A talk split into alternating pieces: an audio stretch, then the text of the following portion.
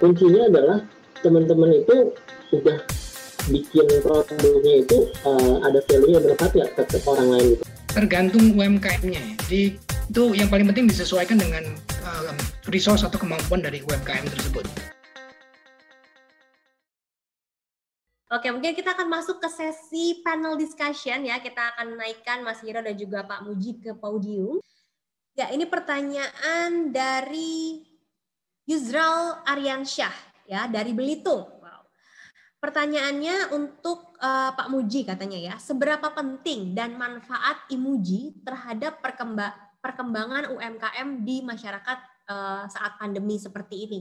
Jadi uh, yang kami uh, experience yang kami apa pelajarin dari UMKM ini tergantung UMKM-nya. Jadi itu yang paling penting disesuaikan dengan uh, resource atau kemampuan dari UMKM tersebut gitu.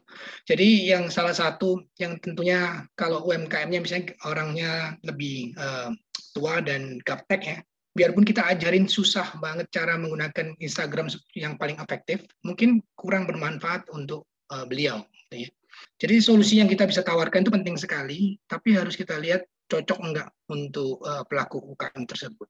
Oke, kita langsung masuk lagi ke pertanyaan selanjutnya dari Nova ya. Dari Sulawesi Selatan, jauh juga ya. Saat ini saya sedang menjalani program seleksi studi bidang dalam membangun startup.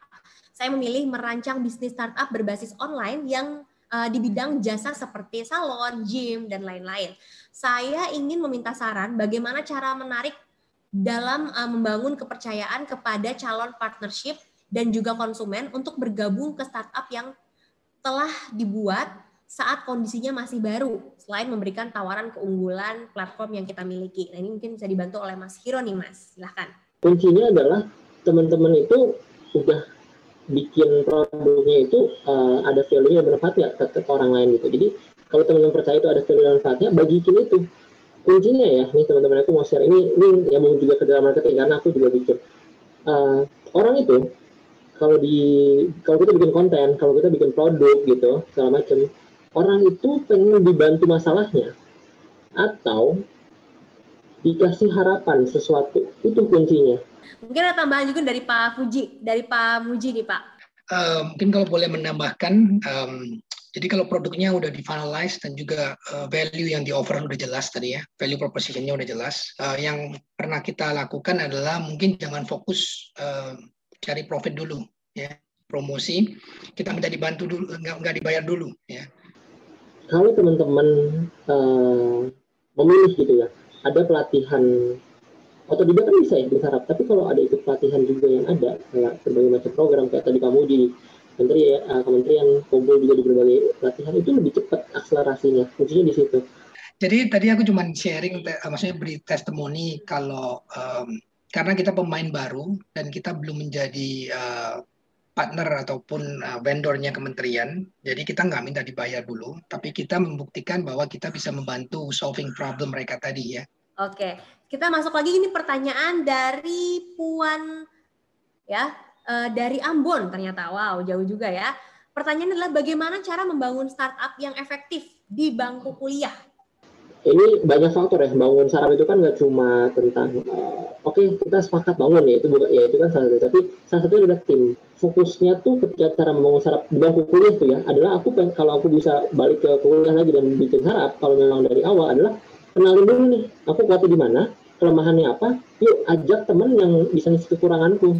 Ya fokus dibangun timnya tadi ya. Mungkin kalau dari Pak Muji seperti apa nih Pak? Uh, kalau saya bisa uh, apa balik ya ke zaman kuliah mestinya udah punya banyak ide gitu ya. Yang paling mungkin penting uh, diperhatikan adalah passionnya kamu di mana gitu ya. Jadi kadang uh, open open your mind. Uh, jangan misalnya kayak saya passionnya di teknologi gitu ya. Tapi jangan terlalu fokus kayak misalnya saya harus buat software khusus untuk uh, apa mendesain foto gitu misalnya. Tapi uh, sadarilah skill memang sukanya teknologi gitu. Tapi teknologi itu bisa uh, dibuat di segmen atau di bidang apa aja sebenarnya.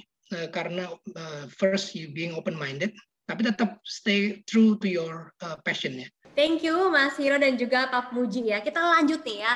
Uh, pertanyaannya bagus-bagus banget nih. Ini kita dari Rani Destia Wahyuningsih ya dari Universitas Negeri Malang. Salah satu tantangan dalam membangun startup adalah kesulitan mendapatkan tim ya. Tadi kan mungkin tadi uh, dari Mas Hiro bilang bangun timnya gitu ya. Nah, ini kesulitan mendapatkan tim yang memiliki keseriusan mengenai startup yang dibangun di mana banyak mahasiswa yang belum tergerak untuk membagi waktu antara membangun startup ataupun kuliah. Selain itu, sumber daya keuangan dari mahasiswa pun terbatas, sehingga banyak mahasiswa cenderung pesimis. Menurut menurut para panelis ya, bagaimana cara mengatasi hal ini? Ya, uh, kalau boleh saran, menurutku uh, mungkin jangan tertutup atau terfokus dengan misalnya di misalnya kuliah ya dari di Universitas Malang gitu. Mungkin jangan tertutup cuman mikirnya teman sekelas atau teman satu jurusan gitu ya. Jadi kan networking is definitely one of the important things ya. Tadi Mas Heru udah bahas banyak. Di Indonesia banyak fasilitas, pemerintah banyak kasih, sekolah juga offer so many different things. Nah dari sana ntar uh, pasti bisa menemukan uh, partner atau team member lain yang mungkin nggak pernah kepikir gitu ya. Oke, mungkin dari Mas Hiro mau ada tambahan juga Mas Hiro? aku mau bilang sih, yang teman-teman lakuin sekarang itu akan mengefek ke lima tahun ke depan. Makanya so, uh, tadi benar tuh, your network itu ada your network ya, bahasa yang kerennya gitu. Jadi kayak, sekarang pilih dulu nih circle kalian tuh apa. Kayak ada istilah ya, lima orang orang terdekat kita itu kurang lebih adalah representasi uh, penghasilan gitu. Jadi kalian tuh sekelilingnya sama siapa? Kalau kalian sekelilingnya sama teman-teman yang rebahan, ya wajar lah, nggak ada yang mau teman-teman kalau disekelilingin sama orang-orang yang ikut rajin seminar, baca buku, bikin sesuatu, percaya itu ada. Jadi pertama tuh, oke, okay, saya juga ada di posisi mana nih? Lingkungan sekarang teman-teman yang nongkrong doang atau teman-teman yang produktif itu satu.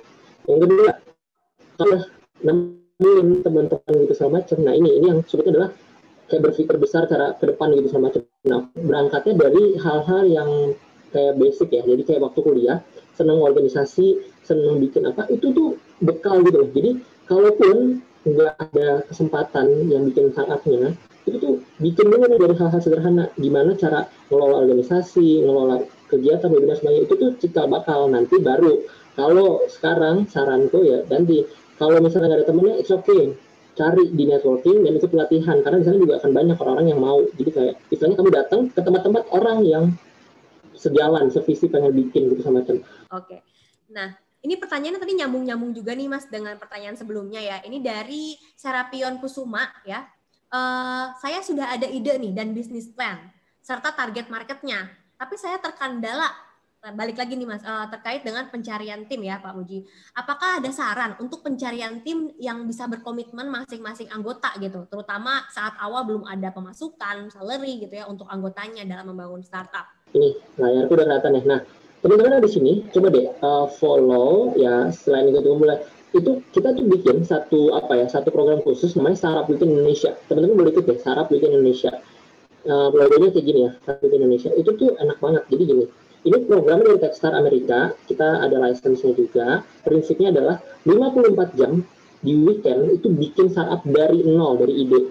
Jadi teman-teman itu datangnya sendiri kayak tadi ya aku ada istilah hipster hustler hacker gitu ya kita datang sendiri gitu tapi nanti kita akan ke satu forum di mana teman-teman akan share ide, oke okay, saya mau bikin ini. Nah, nanti dari 50 orang misalnya, idenya itu akan terpilih uh, secara forum musyawarah, akan terpilih 10. Nah, buat yang nggak kepilih idenya akan gabung.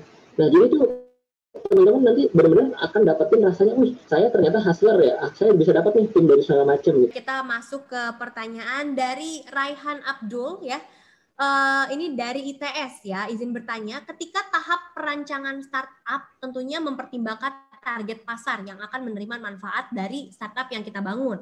Nah, untuk target pasar ini lebih baik startup yang akan kita bangun itu bisa berdampak bagi lingkup yang luas dan bisa dipakai untuk halayak umum dan juga ataupun lingkungan kecil, tapi target pasarnya lebih spesifik. Nah, bagaimana nih cara mempertimbangkan target pasarnya? Mungkin seperti itu ya pertanyaannya ya. Uh, ya. Target dari startup sendiri.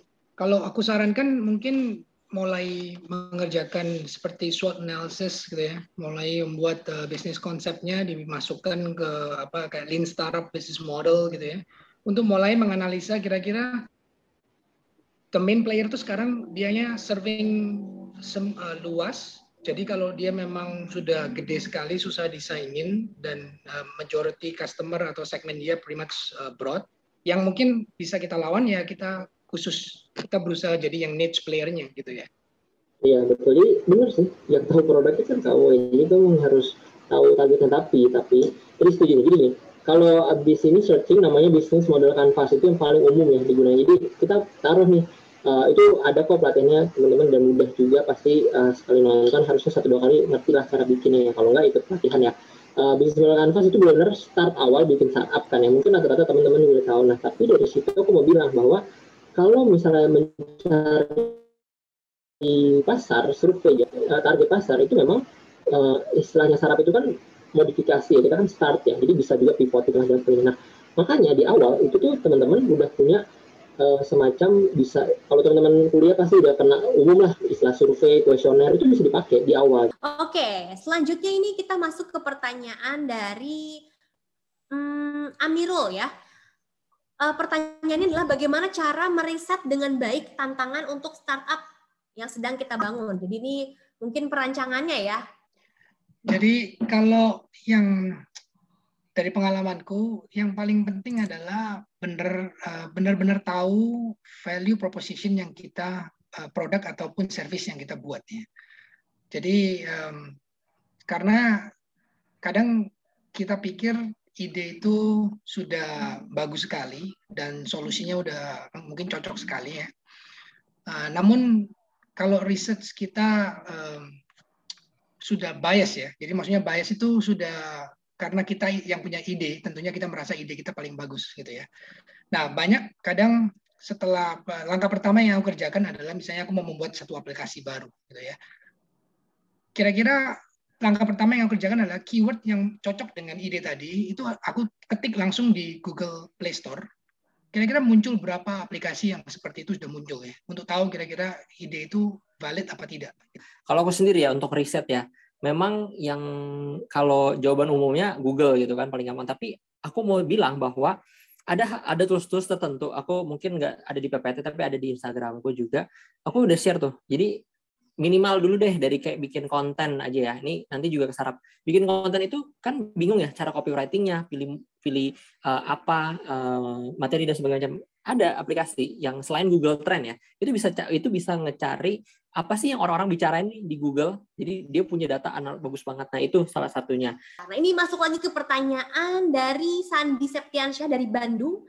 Nah untuk membangun startup sendiri apakah ada perizinan online single submissions atau semacam SIUP-nya kira-kira apa apakah sudah ada startup bidang jasa konsultasi konstruksi Oke, kalau ditanya soal penjelas ini ya legalitas ya. Jadi kalau perizinan, ya. kalau perizinan ya. Jadi sebenarnya memang agak ada ada banyak metode ya. Kalau misalnya SIP itu memang ke PT gitu segala macamnya. Kalau kalau aku ya, kalau misalnya mulai dari basic itu selain uh, legal itu adalah hak cipta. Ini kita ngomongin produk ya salah satu. Jadi kayak itu web atau itu kan kalau ngomongin startup itu kan kadang nggak bisa belum tentu awalnya benar-benar udah startup bisa jadi awalnya cuma uh, teman-teman itu bikin pelatihan, terus misalnya bikin uh, apa training dan sebagainya. Nah, kalau aku saranin adalah di hak cipta dan hak uh, paten itu udah semuanya online. Jadi modelnya uh, ada banyak. Aku nggak siapin PPT-nya, tapi intinya teman-teman bisa masuk ke sana.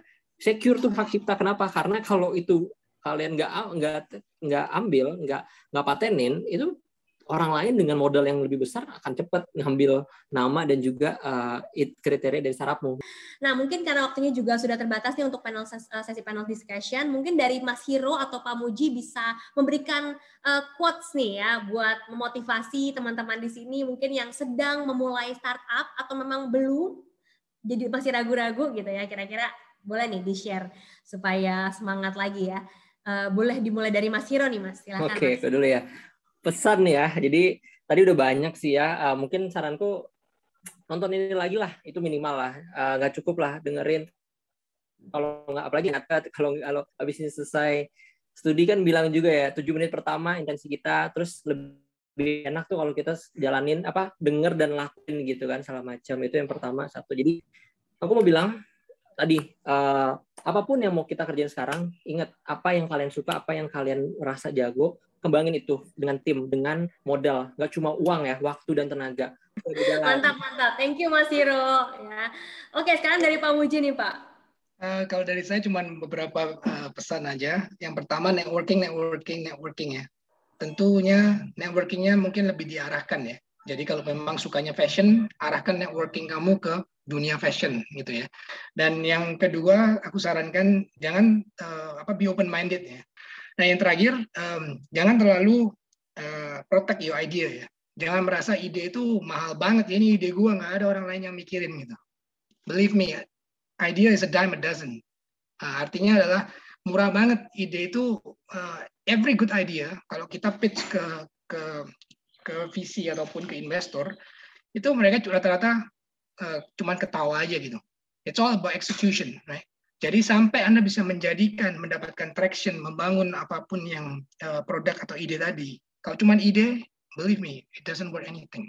Luar biasa. Thank you so much. Tadi ya saya juga tangkap banget ya berarti network itu penting banget dan share aja ya apa mimpi kita apa bisnis kita ya jadi jangan malah takut di copy gitu ya justru siapa tahu di situ bisa menimbulkan koneksi gitu ya dan dengan berakhirnya sesi Lakido hari ini akhir kata kami juga ingin mengucapkan terima kasih kepada panelis yang sudah menyampaikan waktunya pada hari ini. Ada Pak Mujianto dan juga Mas Heria Herianimus gitu ya. Terima kasih juga kepada media partner keren hari ini ada info webinar gratis informasi webinar dan webinar all. Dan juga sponsor kami ada Imuji dan juga Airtalk yang telah mensupport acara pada hari ini.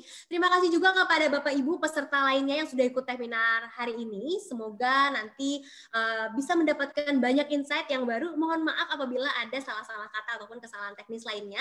Berharap semoga ini bermanfaat buat kita semua. Terima kasih sampai jumpa di Techminar Keren lainnya dan tentunya jangan lupa follow Instagram Keren di @krenindonesia dan juga Facebooknya di Keren Entertainment Indonesia. See you in next Tech Minar and stay safe. Bye-bye.